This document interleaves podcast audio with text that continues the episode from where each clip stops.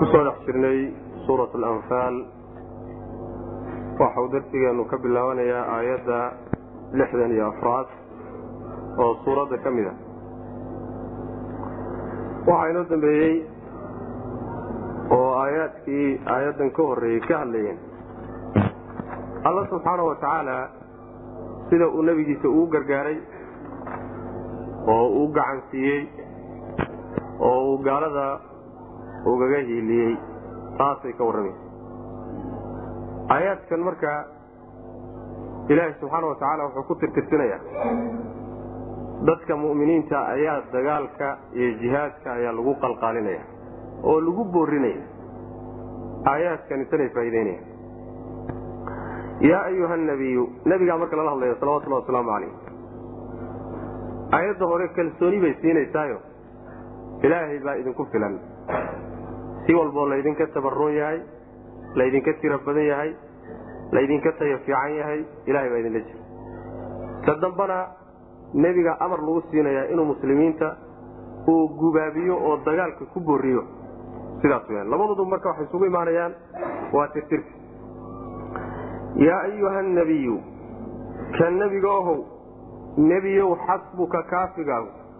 Allahu alla wey waman ittabacaka waxasbu man ittabacaka waman cidna kaafigiisa weye alle ittabacaka ku raacay oo min almu'miniina mu'miniinta ka mid alle isagaa kugu filan adiga iyo intii ku raacday ee mu'miniinaba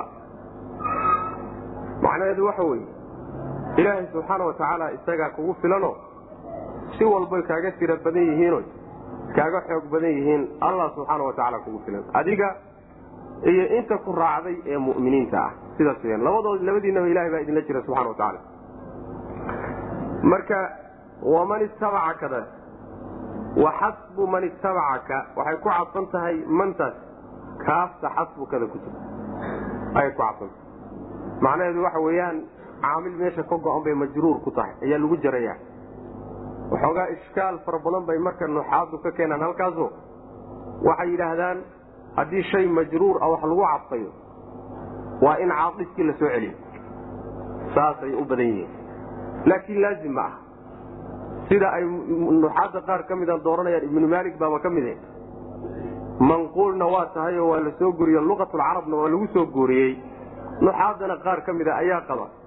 Allana subxaana wa tacaala meelo kitaabkiisa ka mida waa isticmaalay. Waxaa kaloo kutusaya midda iyada oo xasbukadaas inay mantaasi ku cadfan tahay oo mucnuhu yahay ilaahay baa adiga kugu filan.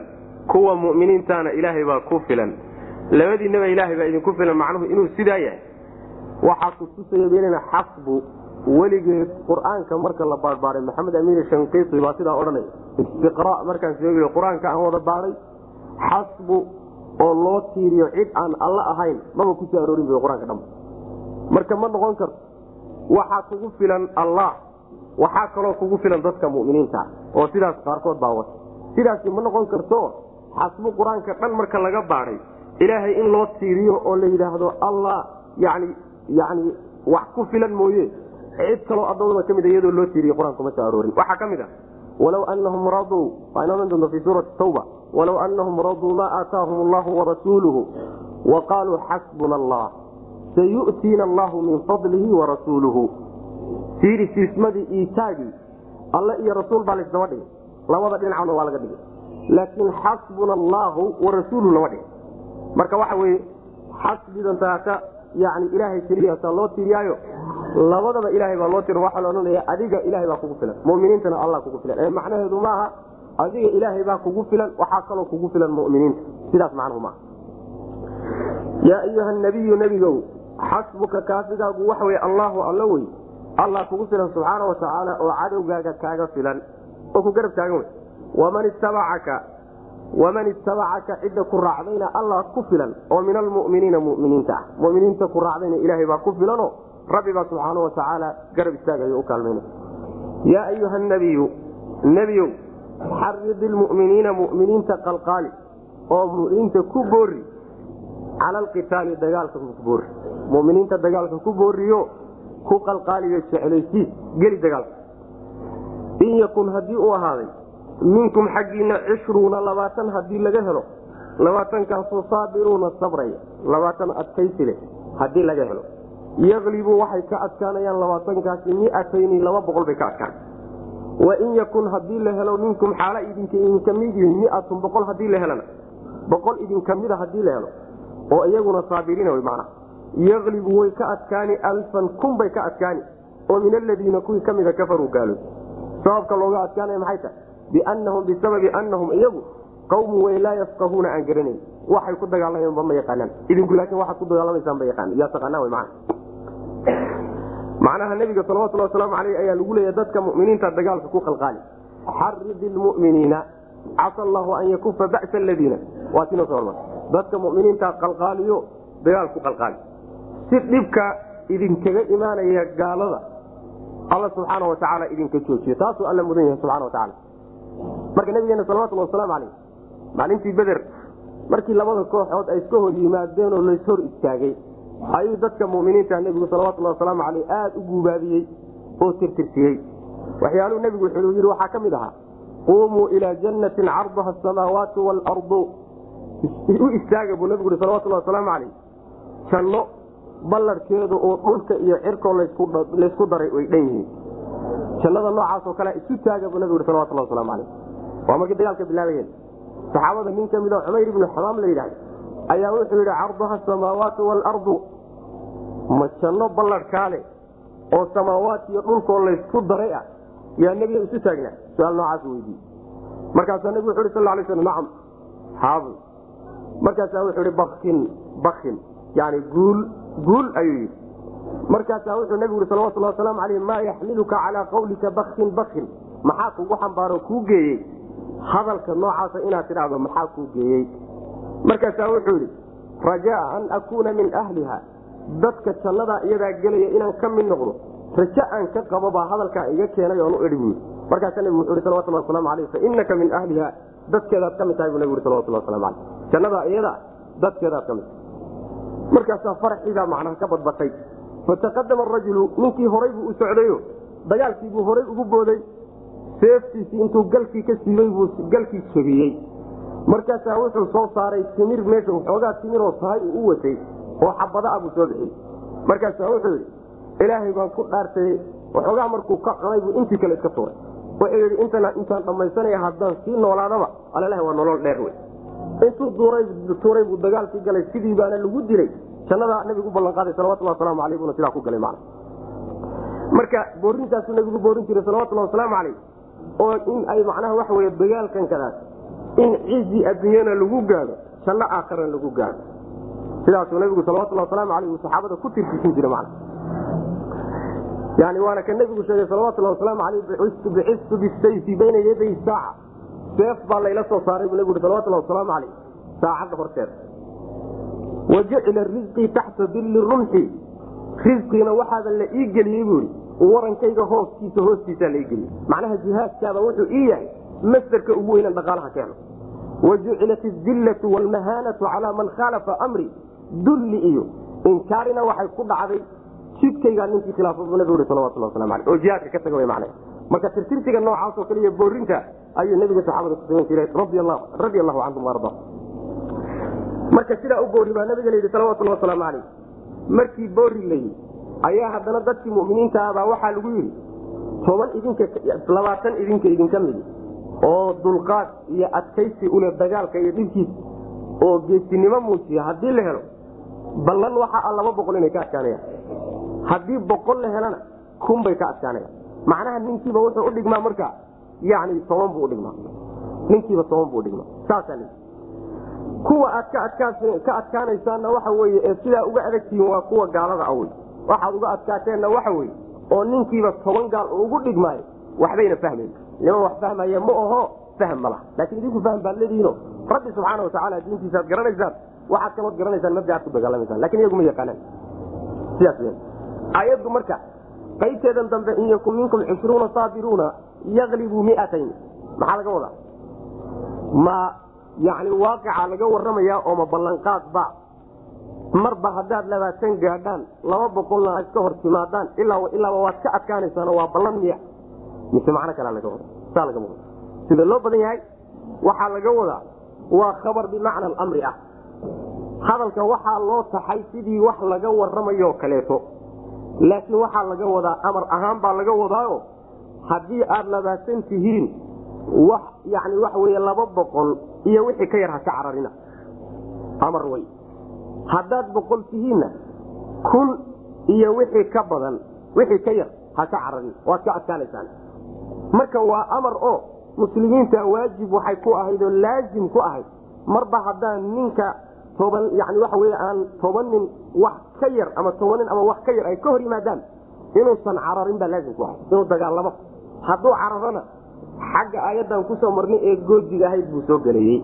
Marka waa khabar bimacna amar ah. Sidaa inuu yahay waxaa kutusaya laba qariinaa kutusaysa labada kutusaysaba aayadday ku jirtaa ta koobaadi waxa weyaan baa la leeyahay aayadda kuma jirte waa waaqica. Waaqica taariikhda marka dib loo raaco waxaa la helayaa meelo muslimiinta iyo gaaladu ay isla egyihiino gaaladu ku adkaadeen haddana. Iskaba dhaaf inay macnaha waxa weya toban laabkood ka yaraadaan ayagoo isla egyihin ba haddana gaaladu adkaaneen. Waa dhici meelaha qaarkood. Meelaha qaarkood waxaa dhacaysa ayagoo muslimiintu kaba badan yihiin haddana in laga adkaado. Waa dhacaysa. Waaqicii marka ayaa wuxuu diidayaa in shaygan kadaatu uu yahay shay khabar ah oo ballanqaad ah. Taasi waa qariino. Qariinada labaadi waxa weye aayadda ka dambaysa waxaa la yidhi alaana khafafa allahu cankum. Hadduu ilaahay idinka fududeeyey. Marka tabardaradiinii la ogaaday ayaa waxaa laydinka fududeeyey xukunkii hore. Fududayntuna siday culimada usuulku leeyihiin waxa weye fududayntu waxay timaadaa markay takliif adag jirtay kadib. Takliif adag iyo waajib adag markuu jiray kadib ayaa waxaa lagu fududeeya takliif iyo waajibkii hore ka fudud. Ayaa lagu fududeeya marka amar inuu ahaa oo takliifi meesha ka dhacdo waajib u ahaa waxaa kutusaysa alaana khafafa allahu cankum maxaa yeele hadday uun war la sheegahayo ay tahay. Ee waajib saaran uusan ahayn. Maxaaba laga fududaynba waxba dusha kama saarnayn. Wax horay dusha uga saarnaabaa laga fududeeyey. Waxaa dusha ka saaranna amar buu ahaa laazim ah oo macnaha ay ku qasbanaayeen oo sharcigu ku qasbay. Taasaa marka laga fududayna mana marka waa khabar wey macnihiisu amar yahay oo isu taago ha ka cararina. Mar haddii macnaha waxa wey toban laabkiin ayna ka badnayn yaa ayuha nabiyu nebigo xarid boori almuminiina muminiinta boori cala alqitaali dagaalku boori in yakun yani waxyaalo waxaad u sheegtaa khayraadka ay helayaan iyo waxa ka soo gelaya hadday dagaalamaan naftu si ay macnaha waxa ugu dhiirato dagaalka in yakun haddii ay ahaadaan minkum xaggiina xaalay ka ahaadeen haddii la helo cishruuna labaatan haddii la waa laga adkaaday muslimiinta adkaanshaha waxaa keenay khilaafkii ay nebiga khilaafeen amarkiisa waxaa u dheeraa markii dhabarjebinta lagu sameeyey sabri adkaysamayna mujirin way carareen waxyaalihii keenay bay ka mid tahay sabkooda man marka saabiruuna waa shardi waay. Waxaa ka mid a dagaalkii xunayn oo kaleeto ee macnaha ka dambeeyey fatxu maka markii muslimiinta oo iska socdo oo duulaan ku jiroo jidhaya yani waxa weya lagu bilaabay ayaa waxa weyaan la cararay. Lamaba hoorininba. Marka saabiruuna baa iyadana ka maqnay saabiruuna marka waa shardi waay shardi weeyaan waa in raggu adkayso aan la cararin. Maxaa sideedaba guushu waa sabru saaca la yidhahda yani waxa weye wakti gaaban ood sabirto oo aad silibka aadtood adkaysato ayay guushu kuu jirtaa saasa la ydhahda macna. Asagoo ninku ayba ka caddahay oo cararba u joogo wax yar hadday ku sii socoto inuu cararo u diyaarsan haddaad ka sii horbood. Hadda waxa weyaan adiga markaa guushu raacay. Adigana waxa wey waxaa ku raacay sabti in yakun minkum cishruuna haddii la helo saabiruuna oo sabraya yaqlibuuna way ka adkaanayaan miatayni laba boqol bay ka adkaanayaan wain yakun haddii la helo minkum xaala idinka idinka mid yihiin miatun haddii la helo boqol haddii la helo saabiratun iyadana mid horaa kutusaysa oo iyaduna adkaysanaysa oo sabraysa yaqlibu waxay ka adkaana alfan kun ayay ka adkaanaya oo min aladiina kuwii kafaro yani kunkaasoo min aladiina kuwii kamida kafaruu gaaloobay biannahum xukumkaasi wuxuu ugu dhacay baa marka la tacliilinaya biannahum. Dalika arinkaasi biannahum bisababi annahum ayagu qowmin inuu yihiin yuu ku dhacay. Qowmkaasoo laa yafqahuuna aan waxba fahmayn alaana hadda ayuu khafafa allaahu alla fududeeyey. Cankum xaggiina ayuu alla ka fududeeyey. Wa calima wuxuuna ogaaday anna fiikum dhexdiina inuu yahay dacfan tabardaro. Inay tabardaro badan idinku jirtana alla waa ogaaday. Fain yakun haddii uu yahay marka minkum xaalay idinka idinka mid tahay miatun boqol haddii la helo. Saabiratun oo sabraysa yaqlibu way ka adkaani miatayni laba boqol bay ka adkaan. Wain yakun haddii la helo minkum xaalay idinka idinka mid tahay alfun kun haddii la helona yaklibu way ka adkaani alfayni laba kun. Biidni illaahi ilaahay idankiisayna weliba ku xidhan tahay. Wallaahu allana maca saabiriina kuwa sabruu la jira alla subxana watacaala aayadan waxa ay fududaysay xukunkii aayaddii hore lagu sheegay. Cabdulaahi bni cabaas ayaa waxaa laga wariyaa bisanadin saxiix. Wuxuu leeyahay markay aayadda hore soo degtay ayaa muslimiintiibaa aada ugu dhibaatooday. Maxaa yeelay adoo keligaa oo hal ruuca haddana toban nin oo ku wada dhigma haddana yani u babacdhig oo iska celi oo la dagaalan masale sahlan maaha. Arrinkaasi aad buu ugu cuslaaday dadkii muslimiinta ah markuu ilaahay ku waajib yeelay buu leeyahay inay ninkiiba toban nin iska celiyo. Arrinkaasi culays badan bay ku noqotay uma jaa takfiif fududayntiibaa marka ka daba timido alla subxaana watacaala wuxuu fudueyey alaana khafafa allahu cankum wacalima ana fiikum dacfa. Markaasaa waxaa loo bedelay meeshii ahayd ninkiiba toban nin haska celiyo ninkiiba laba nin haska celiyo. Saas wy macnaha haddii laydinka helo boqol adkaysilahoo sabraya laba boqol iska celinaya macnaha way iska celinayaanoo khabara mehe bimacna amar weeyaan ha iska celiyen ha iska celiyeeno iyana ka carar haddaad laba tihiin afar waa inaad iska celisaan haddaad toban tihiin labaatan waa inaadan ka cararin saas w mana laba laadaa marka loo rogayo yani waxa wey sideed baa ilaha gooyey subxaana watacaala oo idinka fududeeyey. Marka culimada qaar waxay leedahay xukunka noocan oo kaleeta waa nafsiyo. Aayadan aayadda hore nasakday aayadda hore xukunkeeda waa laga guuray marka. Tan dambaa xukunkeeda loo guuray waxaase laysla ogol yahay oo fuqahada iyo mufasiriinta iyo muxadisiinta iyo markaad kutubta fiirisa isla ogol yihiin xataa hadday labalaabka ka badan yihiin waxaad ku banaan ina la dagaalan waajibkii dusha kaa saarnaa unbaa lagaa dejiyey. Waxaa lagu baneeyey inaad carari karto. Laakiin inaad dagaalami kartana waa ku banaanta. Inaad dagaalami kartana waa ku banaan tahayo shayga la fudlay waa wujuubkii ee ma aha haddii kaa badan yihiinba waad ku qasban tahay labalaabka hadday ka badan yihiin waad ku qasbantao waajibbay kugu tahay inaad cararto.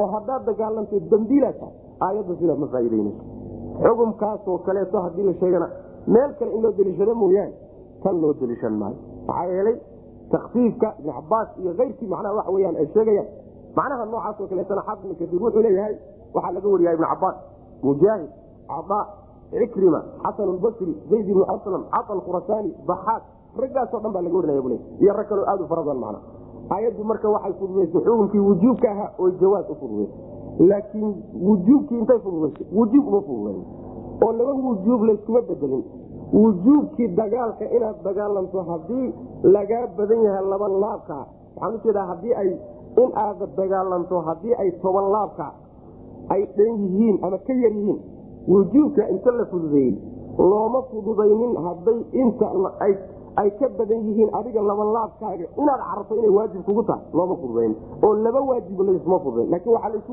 fududeeyey waajib baa la fududeeyey oo jaais loo fududeeyey waajibkii dagaalka haddii ay toban laabka iyo ka yar yihiin inaad dagaalanto waajib ahayd taasaa laga fududeeyey maxaa loo fududeeyey hadday laba laabka ka badan yihiin inaad carari karto oo jaais ay kuu tahay. Inaad dagaalami kartona waa jaais marka. Saas man alaana hadda ayuu khafafa allahu alla fududeeye cankum xaggiina idinka fududeeyey wa calima weliba uu ogaaday ana fiikum dhexdiina inuu yahay dacfan tabardara inay oo tabar darantihiin yani in aydaan awoodi karin haddaad ibni aadamtihiinoo ka daciisantihin oo ka tabaryartihiin inuu ruuxu toban ruux iska celiyo intaa inaad ka tabaryartihin buu ilaha ogaaday subana wataala oo horayso uma ogeen horay waa loo ogaa waa loo ogaaye laakiin waxa wey rabbi subxaana watacaala xukunka uu wax ku dhisay inbuu inoo sheegaya ee cilmi cusub oo uusan horay ogeyn hadda u kordhay ma aha subxaana watacaala fain yakun haddii ay yihiin minkum xaggiina miatu macnaha yakuntaasi kaanadaasi taamo wa haddii laydinka helo wa haddii la helo minkum xaggiina miatun boqol haddii laga helo.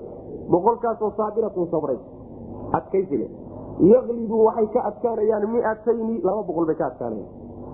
Oo soota laga adkaada hadda maaha waxaa lagaga adkaanayaa ama saabiratin baa ka maqan oo qolyahaasi mayna sabrin ama ma ahe amar unbaa aayadda laga wadaaye bimacna khabar lagama wado. Wain yakun haddii ay yihiin minkum xaggiina oo laga helo alfun kun oo iyaduna sabray yaklibu way adkaanayaan alfayni laba kun bay ka adkaanayan biidn illaahi ilaha idinkiisa weliba adkaanshahaasa waxaa lagu sii xidhay. Ilahay idankiisa lagu sii xidhay.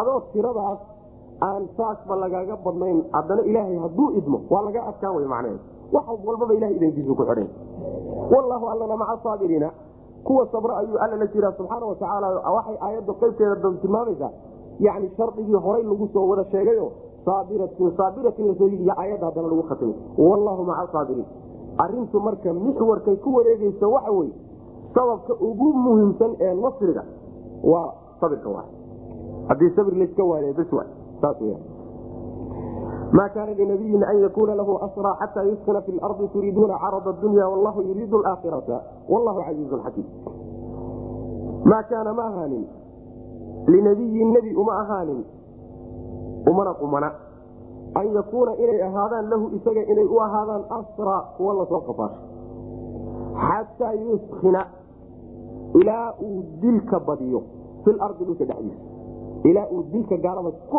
xeel dheeraado dhulka dhexdiisa turiiduuna xaalo aad doonaysaan carada dunyaa adduunyada macnaha waxa weyaan dheefteediiy waxeeda idiinsoo muuqday.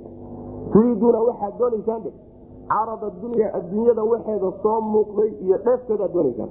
Wallahu allana yuriidu wuxuu doonayaa alaakhirata aakharu doonay. Ilahayna aakharu idinla rabaa idinkuna waxoogaa adduunya abaad raadinaysaan. Wallaahu alla casiizun waa midkii haalib ah xakiimun oo falsan wey alla subxaana watacaala lawlaa kitaabun hadduusan kitaab jiri lahayn kitaabkaasoo min allaahi xagga alla ka ahaaday kitaabkaasoo sabaqa hormaray kitaab horay ilaahay u qoray hadduusan jiri lahayn. Lamasakum waxaa idin taaban lahaa. Fii maa akhadtum waxaad qaadateen dhexdiisa waxaa idinku taaban lahaa. Dartii waxaa idinku taaban lahaa. Cadaabun cadaabkaasoo cadiimun weyn. Haddaan kitaab horay ilaahay uu qoray jiri lahayn oo kaa daraaddii aan cadaabka laydinkaga baajiyeen waxaa idinku dheci lahaa cadaab weyn baa idinku dheci laha bu alla subana wataala fakuluu waxaad cuntaan. Mimaa hanimtum waxaad haniimaysateen waxaad gaalada xoog iyo dagaal kaga qaateen cuna xalaalan aklan cunitaan xalaalan oo xalaal ah. Dayiban oo weliba wanaagsan. Wattaqu llaha allana ka cabsada. Ina allaha alla afuurun waa midkii dambi dhaafa raxiimun oo naxariiste.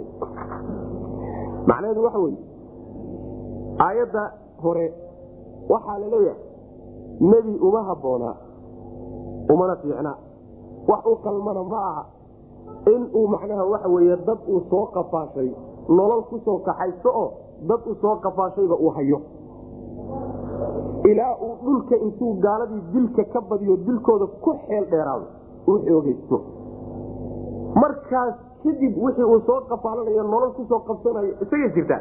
Laakiin intuu daciif yahay oo laga xoog badan yahay waxaa fiican oo habboon inuu macnaha wa wa alla wuxuu soo qabto dhan kurka u dheereeyo wy mana waxaad doonaysaan bu alla leeyahay adduunya doon baa tihiin.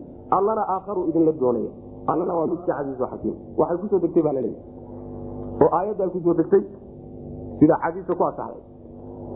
Dagaalkii beder baskii laga soo qafaashay ila waxaan soo sheegnay odayaal aad u fara badan oo toddobaadkeemeeyo gaadhay ayaa dagaalka lagu soo qabsaday nimankaasi xukumkii loogu teliyey ayaa marka aayaddu tacliiqinaysaa oo canaan wey waxaa la canaananayaa qaabka nimankaa loola dhaqmay ee ay nebiga iyo ay ula dhaqmeen saxaabadu. Xukumkii ay ka qaateen xukumkaasa waxoogaa eed ah looga soo jeedinaya oo lagu canaananaya man waxayna ahay markii nimankii la keenay oo qafaashay ayaa nabiga salawatulli wasalaamu aleyh wuxuu la tashaday saxaabadu la tashaday khaasatan cumar iyo abubakar buu la tashaday abubakar buu tala weydiiye wuxuu yidhi maxaad odhan lahay abubakar wuxuu ku taliyey nebigow nimankan aan madax furasho ka qaadano aan ka qaadano wuxuu ku dhisay saddex sababoodba aan uga qaadana bu waa midda koobaadee nimanku waa waa niman qaraabo ah oo waa xigaal oo waa raggaan wada dhalanay wey waa midda labaade xoolo waa u baahannaho dhaqaalo waa u baahannahay. Waa midda saddexaade ilaahay inay iimaan ugu ku galladaystaan laga yaabaa oo ay mu'miniin noqdaan oo berrito ay iskeen garab taagaan. Bal saddexdaa faa'iido oo meeshaa ku jirtaba nebiyo aniga waxaa ila quma nimankaa inaynu wax ka qaadano iska sii dayn cumar baa la weydiiyey. Cumar wuxuu ihi nebiyo aniga ra'yiga abubakar ilama qumana.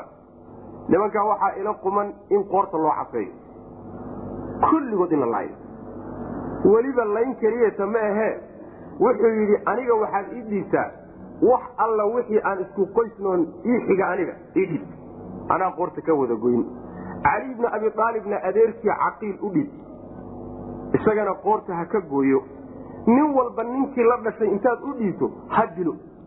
Saasaa ila quma. Maxaa yeelay ilaahay subxaana watacaala waxaan doonaynaa buuri inuu ogaado qalbiganaga inuusan nimanka madaxda gaalada ah qalbiganaga in yaroo jacayla inuusan ugu jirin saas ilaahay qalbiganaga inuu ka arkaan doonayna marka nimankaa halan lahayn gaalada macnaha wa hala xidhib jiro saasuu ku teliy nabigu salawatulli wasalaamu aleyh marka wuxuu u bogey ra'yigii abubakar annaga laftirada kaa baan u boginahay masaalixda ku jirta la sheegay. Saas. Marka laysu fiiriyo kanaad yaro rajiix osdhihi ilahi baa subxaana watacaala maslaxadiiyo xikmadda garanaye laakiin ibni aadamka caqligiisa tacliilaadka ra'yigan laga bixiye baad moodaa waxoogaa inay yaro rajaxayn ilahay baase subxana watacala maslaxada yaqaan. Aayaddanaa marka soo degtay nebigu salawatulli waslamu aleyh ra'yiga abubakar markuu la qumanaaday ayaa nimankii sidaa loogu teliy ayaddana marka soo degtay. Lagu canaanay nebiga salawatulli waslamu aleyh oo weliba la leeyahay waxaa idin sigay cadaab allah qarka idiin soo istaagay. Wax ilaahay horay u qoray iyo qadar horay loo qoray hadduuna idinkaga baaqan lahaynna cadaabkaasi waa idinku habsan lahaa waxaad qaadateen daraaddeed baana cadaabkaasi idinku habsan lahaa. Waa sigteen marka. Wuxuu leeyahay cumar radi allahu canhu xadiidka muslim baa warinaya maalintii markaas sidaa arrintii u guddoonsanay baan subaxdii dambe soo kallahay buui markaasaa waxaan u imid buui nebiga iyo abubakar oo fadhfadhiya oo ooyahaya markaasaa waxaa idhi buui maxaad la ooyeysaan? Ii sheega waxa idinka oohiyey hadduu anigana iga oohiyena waa idinla ooyi hadduu iga oohin kari waayana oohin baan iska doondooniyo waan idinku dari. Bal ii sheega maxaa idinka oohinay?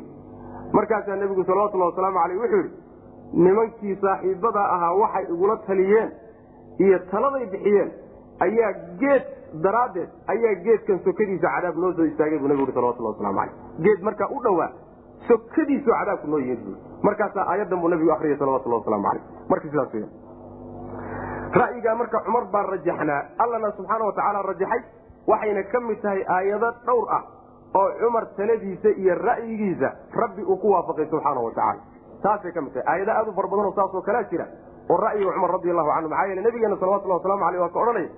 Yani muxadaska ruuxa la yidhahda mulhamka ee caqliga badan ee yani waxa weeyaan ra'yiga badan talada badan ee inta badan helo wixii uu ku taliyo ruuxa noocaasoo kaleeta ummadayda hadduu ku jiro cumar weyaan buu nabigu ui salawatullah waslamu caleyh nin aad macnaa u fiqhi badan oo aad u dadaal badan bu ahaa macna riwaayada waxaa soo aroortay markay saa ku kala taliyeen riwaayada iyadaa inay muqadaca tahay baan u malaynaya ayaa nebiga salawatullahi wasalaamu caleyh wuxuu yidhi baa laleeyahy ilaahay subxaana watacaala ragga qaarkii quluubtoodana waa jilciyaa. Ragga qaarkii quluubtoodana alla waa adkaya subxaana watacaala dadkaas iska noocaas dadku waa iska noocaas qaarna waa quluubtooda waa jilicsan yihiin oo waa dabacsan tahay ragna aad bay u kakan yihiin. Markaasaa nebigu wuxuu ihi salawatullahi wasalaamu caleyh abubakarow waxaad la mid tahay sida nabiyulaahi ibraahim oo kaleeto wuxuu yidhi faman tabicanii fainahu minii waman casaanii fainaka kafuuru raxiim saasuu ilahay ku yidhi. Waxaa kaloo aad la mid tahay buu yidhi abubakarow ciisa bna maryam sidiisii oo kalaas. In tucadibhum fainahum cibaaduka wain takfir lahum fainaka anta alcaiiz lxakiim saasuu nabiylahi yani waxa ciisa cumarow adiguna waxaad la mid tahay buui sida nabiyulaahi muusa oo kale. Waa kii dhihi jira rabbana dmis calaa amwaalihim washdud calaa quluubihim falaa yuminuu xataa yaraw lcadaab aliim yani ilaahu kulligood wada rogo ka reebin macnaha isaguna ilahay u baryay subxana watacaala marka saasuu ku kala misaal waxaa kaleetood la mid tahay buui nabiyulaahi nuux.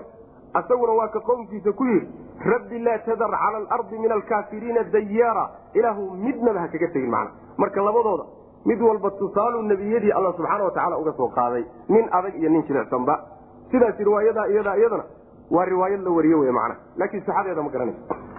Taa hore laakiin waxa wey imaam muslim baa wariyey marka sidaasaa loogu dhaleecaynayaayo waa la yara canaantay waxoogaa canaan baa loo soo jeediyey maa kaana linabiyin waxaa la reebay marka oo sida la doonaya waxay ahayd in ay laayaan in alla intay qabteen oo dhan inay qoorta ka jaraan macna. Sidaasaa la rabay si gaaladu meesha ugu cidhib tiranto ra'yiga raajixa kaasu aha maxaa yeelay marka adiga addoonsi iyo dhaqaale iyo yani waxa wy waxyaalaha markaad fiirinayso waa maraad xoogeysatay ducafaad tihiina kuwan maanta haddaad isku sii siidaysaanoo meesha shalay ka yimaadeen ka soo jeedsadaan toddobaatan nin weeyaan oo berrito ay madiine weerar ku soo qaadaan xageed ka gelaysaa ma maalin aad waxoogaa yani waxa weeyaan adduunyaa iyo aad hunguriyeysaan baad joogtaan maantoo kaleto ducafaatiin waa tabar darantiin. Nin alla ninkii gacantiina soo gala qoorta ka gooy saas masaxaada ku jirta mar dambe oo islaamku xoogeystay ayaa markaa kadib waxaa la yidhi yani waxa weya fadarba riqaab. Maxaa yeel ayadda qur'aanka fi suurat maxamed ku jirta faima manan bacdu waima fidaa xataa tadaca alxarba usaaraha yani waxa weeyaan laaya. Markaad qabataan ood gacanta ku dhigtaan laba idinkaa u khiyaaray.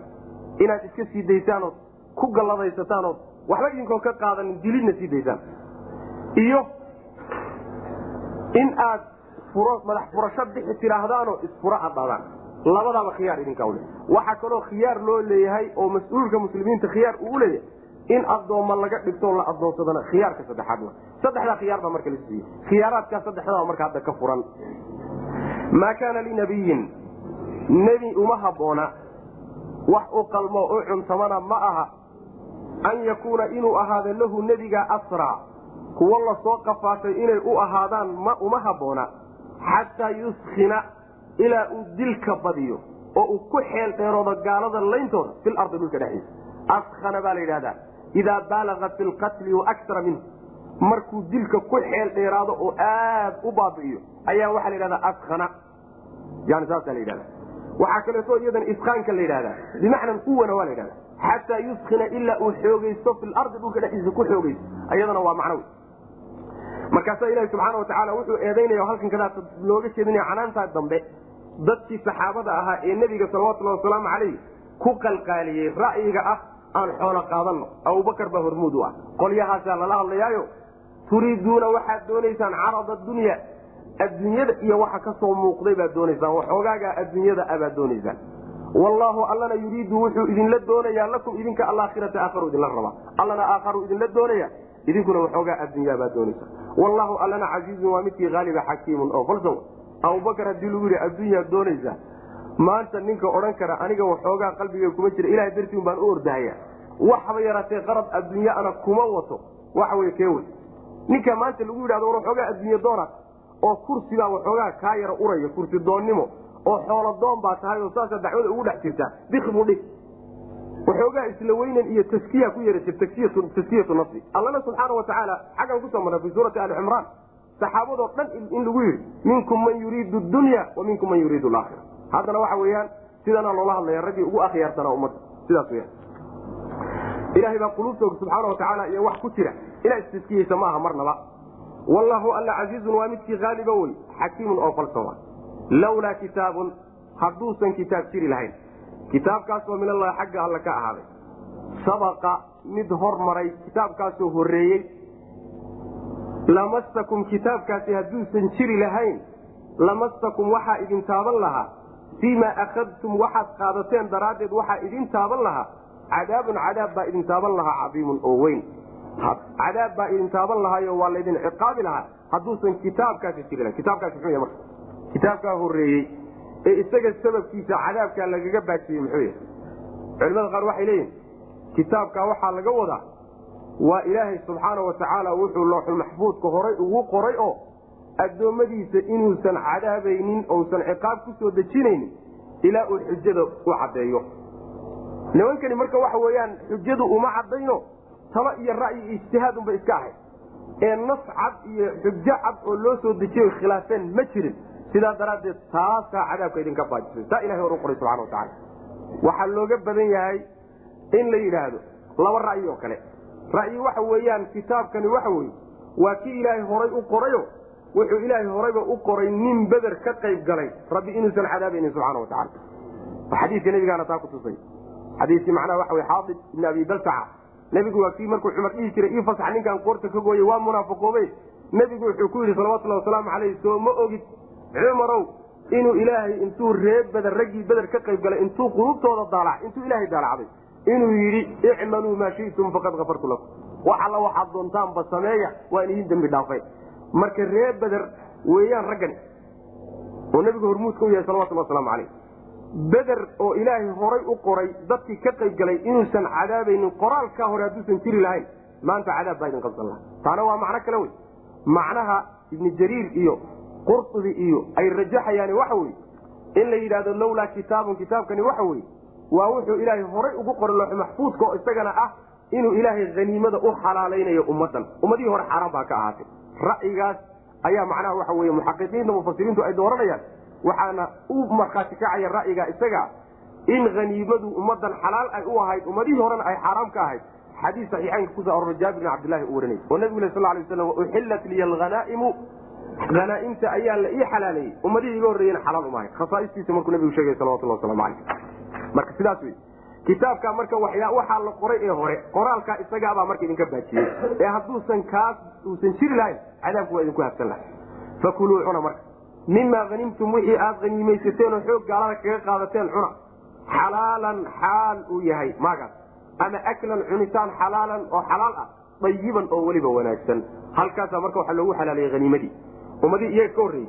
Markii intay dagaalamaan ay xoolo gaalada ka qabsadaan xoog kaga qabsadaan xoolahaas inta laysku ururiyo meel la dhigo ayaa samada waxaa ka soo degaysa naar. Dab baa ka imaana dabkaasaa xoolihii macnaha baabi'inaya.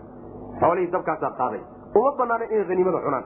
Ummadana marka ilaahay dacfigeeda iyo tabardaradeeda intuu arkay yaa haniimadii loo fasaxay. Saas way macna marka cuna baa layidhi ilahay baa idiin xalaaleeyey wattaqu llaha allana ka cabsada ina allaha alle kafuurun waa midkii dembi dhaafa raxiimun oo naxariistay alla ka cabsada subxana watacala ya ayuha nabiyu qul liman fii aydiikum min alasra in yaclam illahu fii quluubikum khayra yu'tikum khayra mima ukida minkum wayakfir lakum. Wallahu kafuurun raxiim ya ayuha nabiyu nebiyow qul waxaad ku tidhahdaa liman cid waxaad ku tidhahdaa fii aydiikum gacmihiina ku jira oo min alasraa kuwa la soo qafaashay ka mid dadka gacantiina ku jire kuwa la soo qafaashay ka mida waxaad ku tidhaahdaa in yaclam illaahu hadduu ilaahay og yahay fii quluubikum quluubtiina dhexeeda khayran hadduu wanaag ku og yahay. Hadduu ilaahay quluubtiina wanaag ku og yahay ikhlaas iyo daacadnimo iyo islaamnimo jacayl ku og yahay yu'tikum wuu idin siini alle. Khayran wax ka fiican buu idin siinoo ka khayr badan. Mimaa ukida minkum wixii laydinka qaaday. Wixii madax furasho laydinka qaadiyo xoolihii laydinka qaaday wax ka fiican ayuu ilaahay idinku bedeli hadduu qalbigiina wanaag alle ka og yahay. Wayakfir lakum wuuna idin dhaafi dunuubtiina wallahu alle kafuurun midkii dembi dhaafooyo raxiimun oo naxariista. Wain yuriiduu hadday doonaan nebigow khiyaanataka khiyaanadaada hadday doonaan. Islaamnimadana ay muujisanahayaan iyo nabadgelyo doonkana ay muujisanayaanba hadday doonayaanba inay kugu khayaamaanna faqad khaanuu llaha allay khayaameen min qabl horaan horay u galeen kaa isaga. Fa amkana ilaahay baa makaniyey oo ku hansiiyey minhum xaggooda ilaahay baa marka ku gacangeliyey. Wallahu allana caliimun waa midkii ogsoon way wax walba xakiimun oo falsan waay waxay ku soo degtay baa la leeyahay aayadana ninkii la odhan jira cabaas ibni cabdilmualib nabiga adeerkii oo nin oday ahaa ayaa wuxuu ka mid ahaa dadkii la soo qabtay dagaalkii beder lagu soo qabtay. Nebigu marka sida ibn isxaaq uu siirada ku warinay dagaalka markii uu macnaha waxa weye dagaalka lagu jiray iyo nebigu salawatullahi wasalaamu aleyh saxaabada wuxuu u sheegay dad dhowr ah. Haddii la qabto oo nolol lagu qabto inaan la dilin. Adeerkii cabaas baa ka mid ah. Waxaa ka mid ah ninkii la odhan jiray abulbukturi ibnu hishaam waa ninkii macnaha ka shaqeeyey saxiifadii dulmiga ee meesha lagu qoray iyo heshiiskii reer qureysheed in la buriyo. Oo reer bani haashim iyo reer bani mualib la soo celiyo ninkii ka shaqeeyo reer bani haashimna ninkii qabtay yuusan dilin bu maxaa yeele nimankaa waa la soo qasbay oo dagaal qasab baa lagu soo dili nin la yidhahda abu xudayfa ibnu cutba ayaa marka wuxuu yii wallahi inaanaa yeelen haddaan aragnana inaanaan badbaadinayni marnaba maxaa yeelay matolkana iyo ilmaadeeradana iyo aabbayaashana ayaanu qoorta ka wada gurayna. Cabaasna waan sii daynaynaa miya. Saas ninkaas odayga markii warkiisii soo yeedhay baa cumar baa marka wuxuu yidhi nebigu marka salawatulli wasalaamu aleyh cumar buu la hadla yidhi cumarow yani bal arrintaa iyada ah u fiirsa oo ma nebiga adeerkii salawatullahi wasalaamu calayh ayaa macnaha waxa weeye rag u baxbaxsanayaanoo dilaya. Cumar marka wuxuu hi nabi alla igu siidaa anaa qoorta ka goyn. Hadalba kama taag. Saas. Nin aada u qiiro badan bu islaamka aada ugu fiirooda. Radi allahu canhu ardaa. Markaasaa wuxuu yidhi ninkaa isagaa gadaal dambe waa ka qooman jiray abu xudayfa oo wuxuu dhihi jiray baa layidhi yani kelimadaa iyada a weligay iyo allahay qalbigayga kama bixin bu maalintaa nabiga ugu jawaabay salawatullah waslamu caleyh mana u malaynayo in la ii dhaafi doono. Ilaahayba subxaana watacaala inuu shahaado iyo isaga daraadii on u dhintay iguba dhaafi mooyaane. Maalintii yamaama marka waxa isagoo shahiida haag u filaynaay ayaa macnaha waxa weye la dilay. Marka raggii la soo qabtay baa waxaa ka mid ahaa. Yani gacanta ku dhacay cabaas baa ka mid aha cabaas marka waa la xidhay. Markii la xidhay ayaa nebigaa salawatullahi wasalaamu aleyh wuxuu maqlay isagoo xidhan oo aad macnaha wax way u rafaadsan. Uu cidiray oo wuxuu yihi walba ha laga fududeeyo. Nebigiibaa salawatullahi wasalaamu aleyh saas soo faray marka lagu yidhi raggii saxaabada ahaa xadhiggii bay ka fureen odaygii markii sidaa lagu sii daayey oo macnaha xadhiggii laga furay ayaa marka wuxuu yidhi nebi allow waxaan rabaa aniga in layga dhaafo waxa la yidhaha madax furashada ma awoodi karo.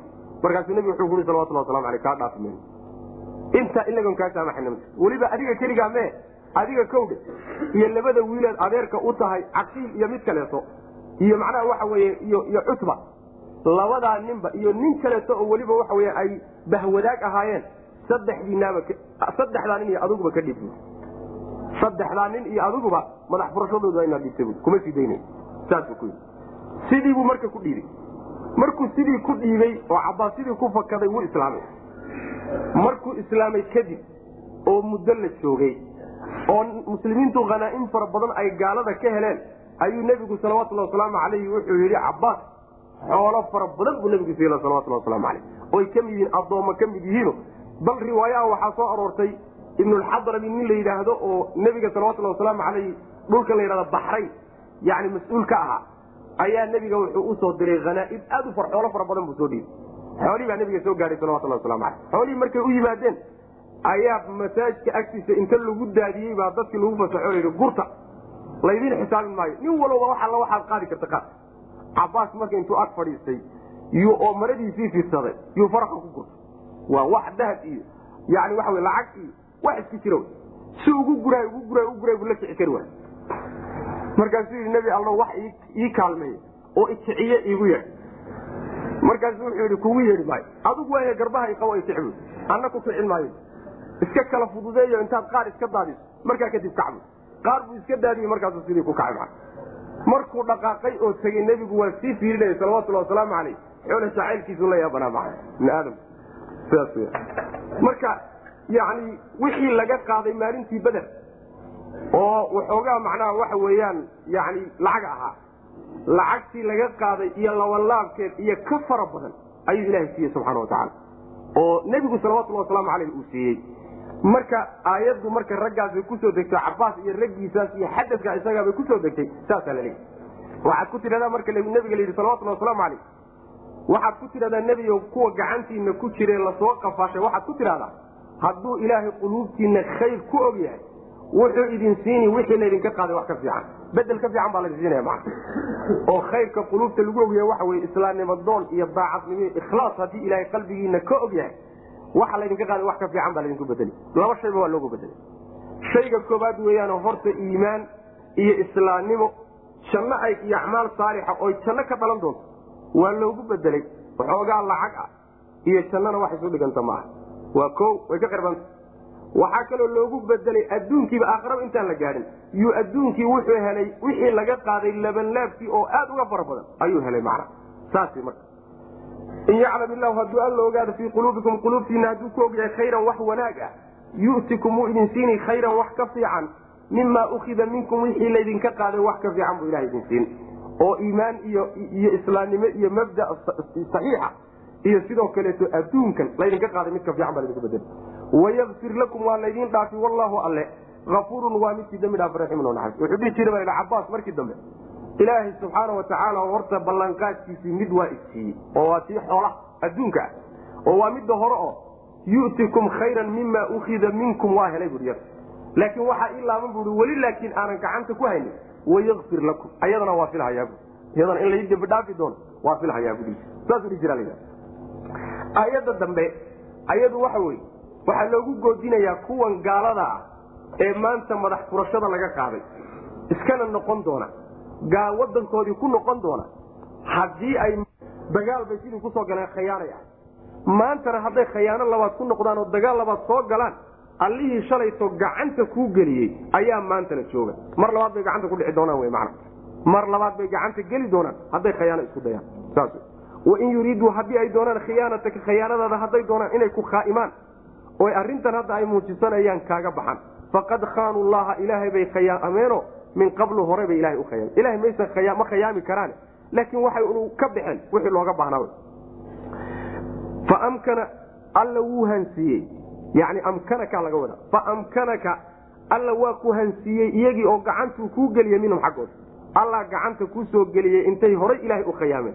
Mar laba hadday khayaano ku kacaanna allah gacanta ku gelin doonaba wallahu alla caliimun waa midkii ogsoon weye waxyaalaha asraarta addoommadu ogyahay xakiimun waana falsan yahay alla subxana wa tacala ina aladiina aamanuu wahaajaruu wajahaduu biamwaalihim waanfusihim fii sabiili illah wladiina aawow wanasaruu ulaaika bacduhum wliyaau bacdin ina aladiina kuwa aamanuu rumeeyey oo wahaajaruu hijrooday oo wajaahaduu jihaaday biamwaalihim xoolahooda ku jihaaday iyo wa anfusihim nafyaalkooda fii sabiililahi jidka ilaahay ku jihaaday iyo waladiina kuwa aawow dejiyey oo soo dhoweeyey kuwaa hore soo dhoweeyey oo dumay oo wanasaruu u gargaaray ulaa'ika kuwaasoo dhan kuwa hore mujaahidiinta ah iyo kuwan dambaba ulaa'ika kulligood bacduhum qaarkood awliyaau bacdin qaarka kaley xigaal u yihiin. Qaarka kaley u yihiin gargaarayaal oo xigaal iyo sokeeye u yihiin. Waaladiina kuwa aamanuu rumeeyey oo walam yuhaajiruu aan hijroonin maa lakum idiin ma sugnaanin mu'miniintiyow min walaayatihim gargaarkooda iyo garabsiintooda iyo dhaxalkooda min shayin waxba idinkama sugnaanin xataa yuhaajiruu ilaa ay ka hijroodaan. Wain istansaruukum hadday idinka gargaar dalbaan oy hiillo idin weydiistaan. Fi diini diinka dhexdiisa inaad ugu hiilisaan hadday gargaar noocaasa idin weydiistaan fa calaykum dushiinna waxaa oo waajib idinku ah annasru gargaar inaad u garab istaagtaan ilaa calaa qawmin ilaa in istansaruukum inayba gargaar iyo gu idin weydiistaan gacan mooye calaa qawmin qowm dushii inay gacan idinka weydiistaan qowmkaasoo baynakum dhexdooda iyo wa baynahum dhexdiinna miisaaqun u ballan yahay gaalo ballan idinka dhaxeeyo inay nooga hiiliya idin yidhaahdaanba mooye oo taas uga hiilin maysaan wallaahu allana bimaa tacmaluuna waxaad samaynaysaan basiirun fi arka halkan laga bilaabo. Ilaa aayadda gebagabadeeda laga gaadhayo waxaa lagu khatimaya yani mabdaa la yidhahdo mabda lwalaa walbara yaa iskale cidda inay isu hiiliso oo isgarab istaagto oo isjeclaato oo hiil iyo hooba isisiisaay yay tahay. Cidda la nacayo ee la fogeynayo ee la durkinayaay yay tahay. Ee lala dagaalamayahay dadkiibuu ilaahi subxana wa tacaala marka qaybiyey. Saddex qaybood baa loo qaybiyey. Yani waa inta muslimiinta ah. Muslimiinta waa saddex qaybood loo qaybiyey. Qayb afraadoo gaalana waa jiraan. Qayb waxa weeyaan waa muhaajiriintii maka ka soo hijrootayo madiine u soo carartay oo maalkoodii iyo xoolahoodii iyo wadankoodii iyo xigaalkoodii ka soo cararay ilahay dartiina waa cararay iyo diintooda la cararay. Nimankaa muhaajiriin baa la yidhahda qolada labaadna ansaar baa la yidhahdayo waa nimankii kuwaa soo dhoweeyeoo madiine loogu yimid oo iyaguna naftooda iyo maalkooda iyo xoolahooda iyo guryahooda iyo haweenkoodaba ku soo dhaweeyey wax alla wax yeeli kareen la qaybsaday. Qolyana qolyahaas wey qolyahaas labadaa qolo ayagaa isu awliyaa bu alla leeya subxana wa taala qaarkood qaarka kale awliya isu awliyada maxaa laga wadaa? Ulaaika bacduhum wliyaau bacdi laba macnoba waa suurtagal in laga wado yani walaha sidiisaba yani dhowaanshaha iyo xidhiidhinta waa la yidhahda jacaylka waa la yidhahda ged nasriga iyo isu gargaaridda waa la yidhahda dhaxalka laysdhaxlo waa la yidhahda macaani fara badan bay ku timaadaa macnaha waxa kelimatulwalaa ayay ku timaadaa. Meeshan marka maxaa laga wadaa? Muhaajiriinta iyo ansaarta iyagaa isu awliyeah maxaa laga wadaa? Waxaa laga wadaa dhaxalka muhaajiriintii ansaartu iyagaa isdhaxli oo ninka muhaajiriga iyo ninka ansaariga ah waxay isku leeyihiin inay isdhaxlaan waxaa kaloo isu leeyihiin nusra diiniyana waa isku leeyihiino inay isgarab istaagaan oo isjeclaadaan oo isu hiliyaan ayadana waxa weye iyagay ka dhaxaysaa. Labadaa qolo ayay ka dhaxaysaa macnaha waxay marka tilmaamaysaa nabigeena salawatullah waslamu aleyh markuu madiine u soo hijrooday oo madiine la yimi wuxuu nabigu salawatullah waslamu aleyh sameeyey walaalayn barnaamij walaalayn la yidhahdo. Wuxuu walaalayey nin walba oo maka muslimiintii ka soo hijrooday ka mida iyo nin ansaari oo raggii madiine loogu yimid ka midaba wuu isku xidhay wuxuu yidhi ninkaagan ansaarigae ree madiine ohow hebel walaalaadkiin gurigaaguu ka tirsan yahay. Ila muslimiintu waxba ma wataan xagga markay ka soo kaxeen gurigaaguu ka tirsan yahay aduu wax kula wadaagaya. Heer waxaa la gaarsiiye waa isdhaxlaysaa la yidhahda oo muhaajirigu hadduu xoolo ka dhintana ansaarigaa dhaxlay ansaarigu hadduu xoolo ka dhintana muhaajirigaa dhaxlay. Heerkaasaa la gaarsiiyey.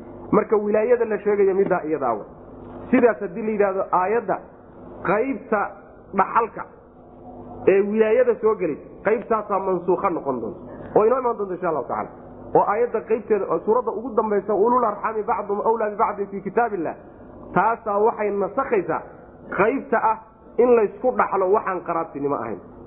Oo horaan waxaa laysku dhexli jiray maalan yani waxa weeyaan yani isbahaysi dadku ay heshiis ay dhigtaan waa la isku dhexli jiray.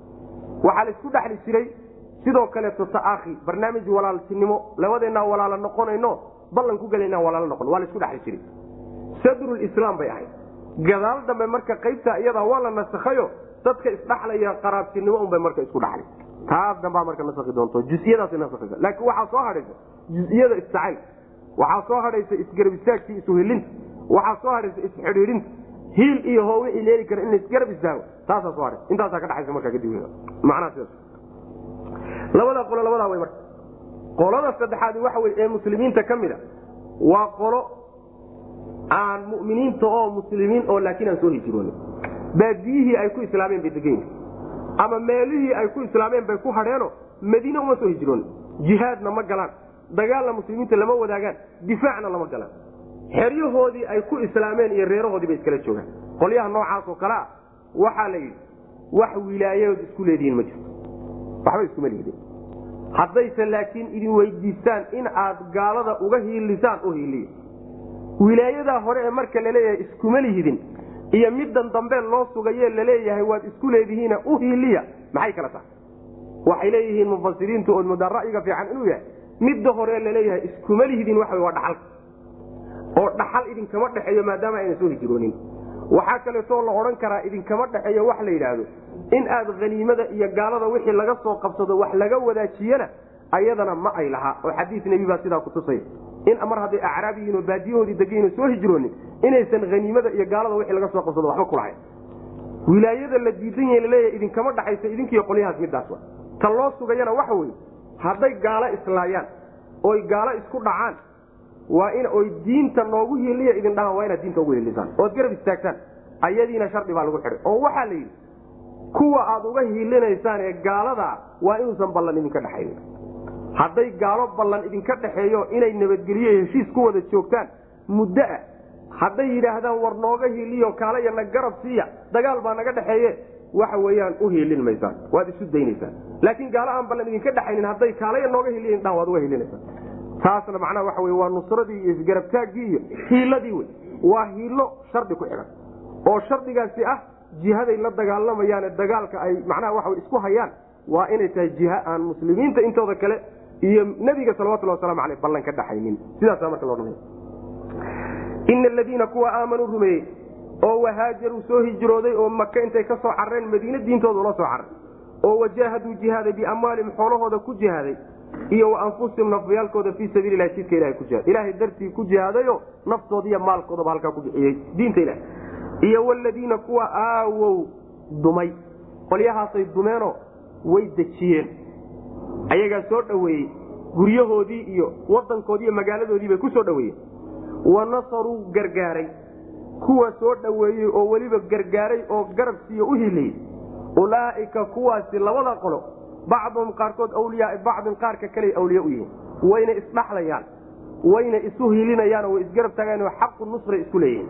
Midda dhaxalkaa la nasakhi doonaa. Haddii aad tidhahdo waxaa loo jeedaa way isu hiilinayaano ayagaa isxigoo dhaxal meesha kuma jiran aayaddu qayb yarna mansuuqa noqon mayso waladiina kuwa aamanuu rumeeyey oo walam yuhaajiruu aan soo hijroonin oo meeshay ku islaameen iyo reerahoodii iska dhex degan oon madiine imaanin maa lakum idinma sugnaanin muslimiintiiyow? Labadii qole horaa marka la jeedaa labadiinaa qore ee muhaajiriin iyo ansaara idinma sugnaanin. Min wilaayatihim xidhiidhintooda iyo dhaxalsiintooda iyo haniimasiintooda haniimada ood la wadaajisaan idinkama sugnaanin min shayin waxba. Wax alla waxaad ka siinaysaan ma jirto haniimada iyo dhaxalka midna. Wain istansaruukum haddayse idin weydiistaan gargaar. Xataa yuhaajiruu ilaa soo hijroodaan. Macnaha waxay ku xidhan tahay ilaa ay soo hijroodaan markay soo hijraadoona madiine hadday yimaadaan oo marka ay muslimiinta garab siiyaan oo dagaalka wax ka galaan haniimadiina waxbay ku leeyihiin sidoo kale irsigii iyo ta'aakhigiina waxbay ka gelayaan wy mana inta hijrada lala yahay laakiin halkooda ku xidhnaadeen wain istansaruukum haddayse garab istaag idin weydiistaan iyo gacansiin iyo hilo fi diini diinka dhexdiisa inaad ugu hilisaan hadday idin weydiistaan fa calaykum dushiinna waxa oo waajib idinku noqonaya annasru gargaar. Inaad u hilisaan ood isgarab taagtaan waajib bay idinku tahay ilaa calaa qawmin. Qawm dushii mooyaane oydaan iyaga uga hiilinayn. Qawmkaasoo baynakum dhexdiinna iyo wa baynahum dhexooda miisaaqun uu ballan yahay. Qolo gaalaa oo idinka iyo iyagu ballan idinka dhaxeeyo kuwa hadday islaayaan uga hiilin maysaan.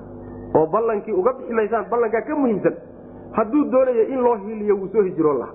Maadaama isagu gaboodfal sameeyey qolyaha uga hilin maysa wixii kale laakiin waa uga hilinaysa wallahu alla bimaa tacmaluuna waxaad samaynaysaan basiirun kii arka weye muhaajiriinta iyo ansaarta meelo badan buu marka rabbi ku ammaanay subxaana wa tacaala muhaajiriintaana ka fadli badan ansaarta biijmaaci culamaa. Muhaajiriintaa ka fadli badanoo ansaartaa markaa kadib soo raacda macna. Wladiina kafaruu kuwa gaaloobay bacduhum qaarkood. Haddii marka muslimkii aan soo hijroonin ee dembiga ku jira ee nebigii aan dagaalku ku jiray iyo difaaciisii aan midna isku dayin hijradii loo baahnaana aan soo gelina caasiga ah. Haddii lagu yidhi hadday gaalo ishayaan ballan uusan idinka dhaxaynin garabsiiyo waajib waxay ku tahay inaad difaacdo oo aad u hiliso maa baaluka muslim? Ay macnaha waxa wey gaalo ishayaan oo aan macnaha waxa wey caasina ahayn oo macnaha mudiica. Soo inaad uhiliso maha marka. Min baabi wla w waa ka sian jirta wuxuu kugu leeyahay xaqu nusra. Wax alle waxaad heli karayso kelimana ha noqote inaad isku garabtaagto mana wladiina kuwa kafaruu gaaloobay bacduhum qaarkood awliyaau bacdin qaarka kaley awliya u yihiin ayagaa isxiga gaaladu. Ilaa tafcaluu haddaydaan sidaa yeelinna ilaa tafcaluuhu kaas la soo sheegay haddaydaan yeelin takun waxaa ahaan doonta fitnatun fi lardi fitna dhulka dhici doonta. Wa fasaadun iyo fasaadkaasoo kabiirun weyn.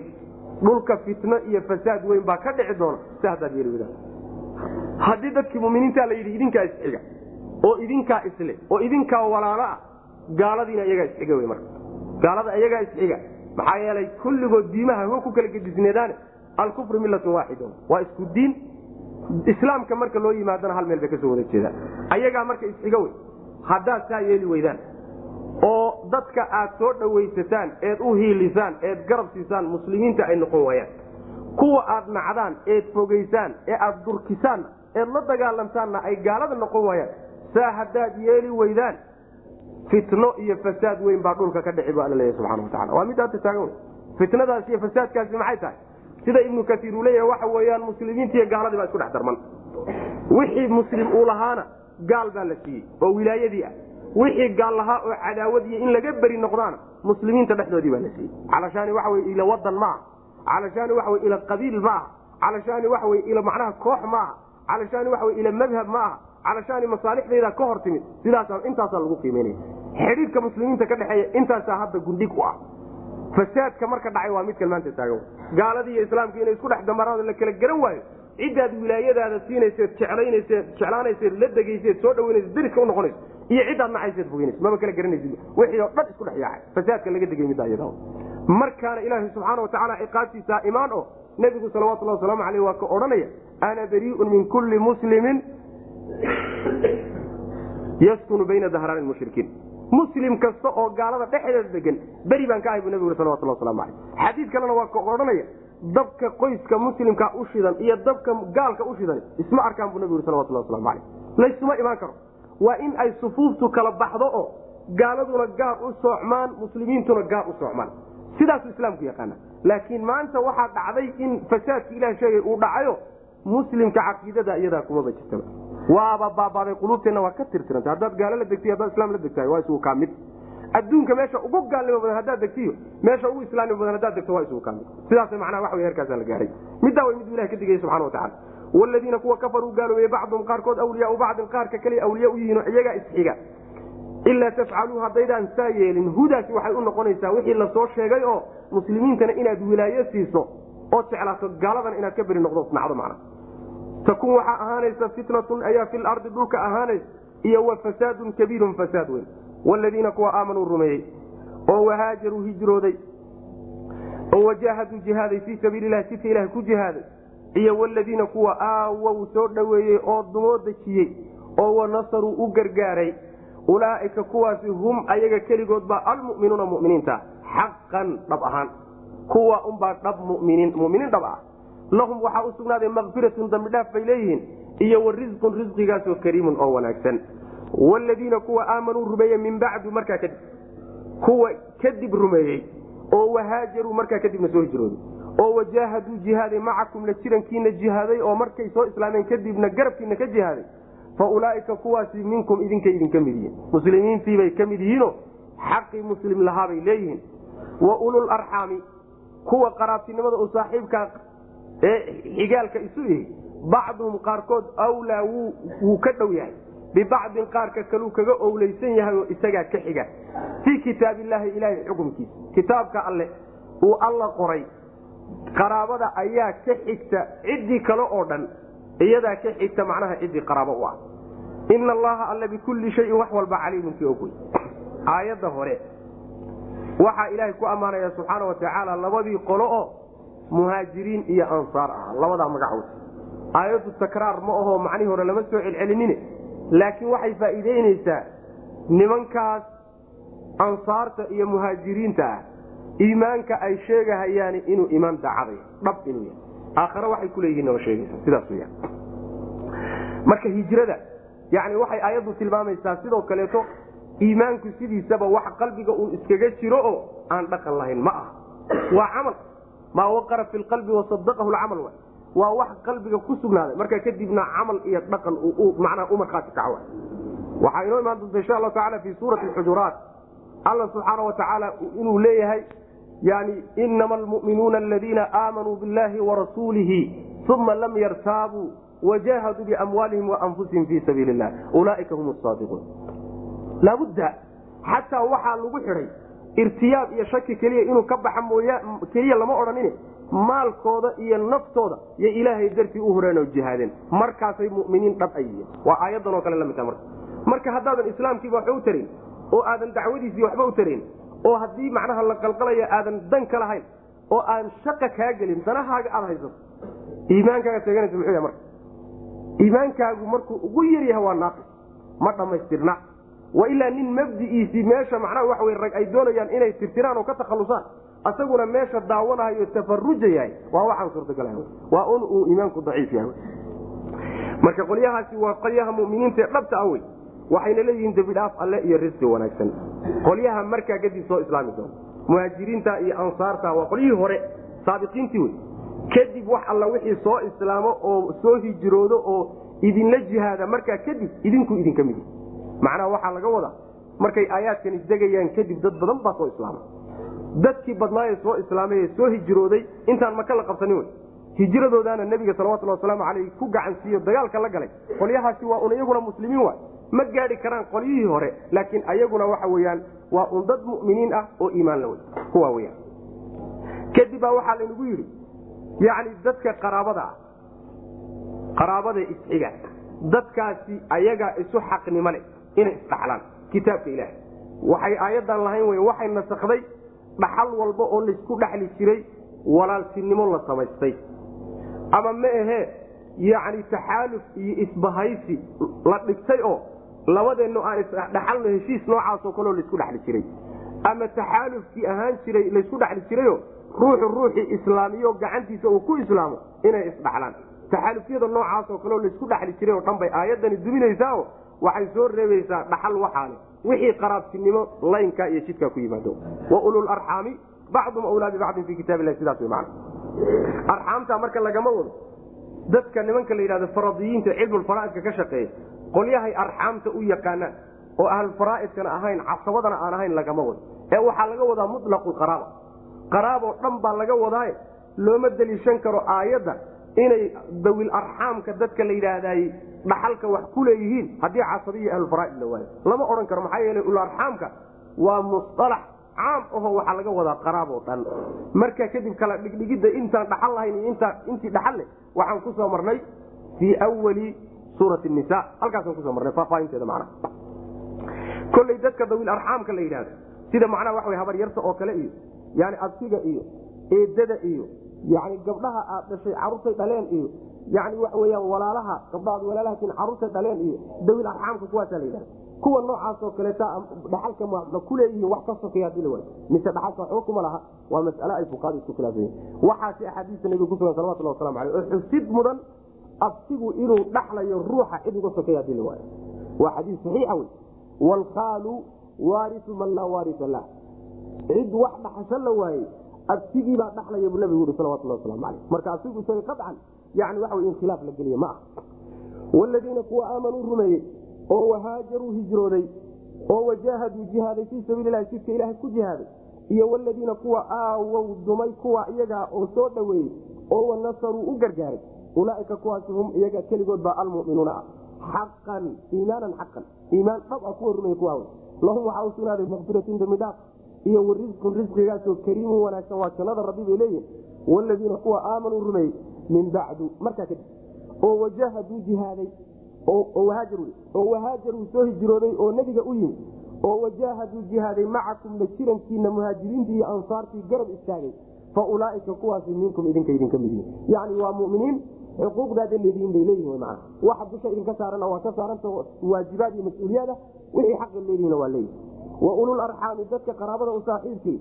bacduhum qaarkood baa wlaa u xaqnimo leh bibacdin qaarka kale. Siday u kala xigaan ayay dhaxalkooda ugu xaqnimo leeyihiin. Yani walaaltinimadii islaam iyo wixii kalete la isku dhexli jiro dhanna waa mansuuq wey fii kitaabilahi kitaabka ilahay dhexdiisa iyagaa isu xaqnimo leh.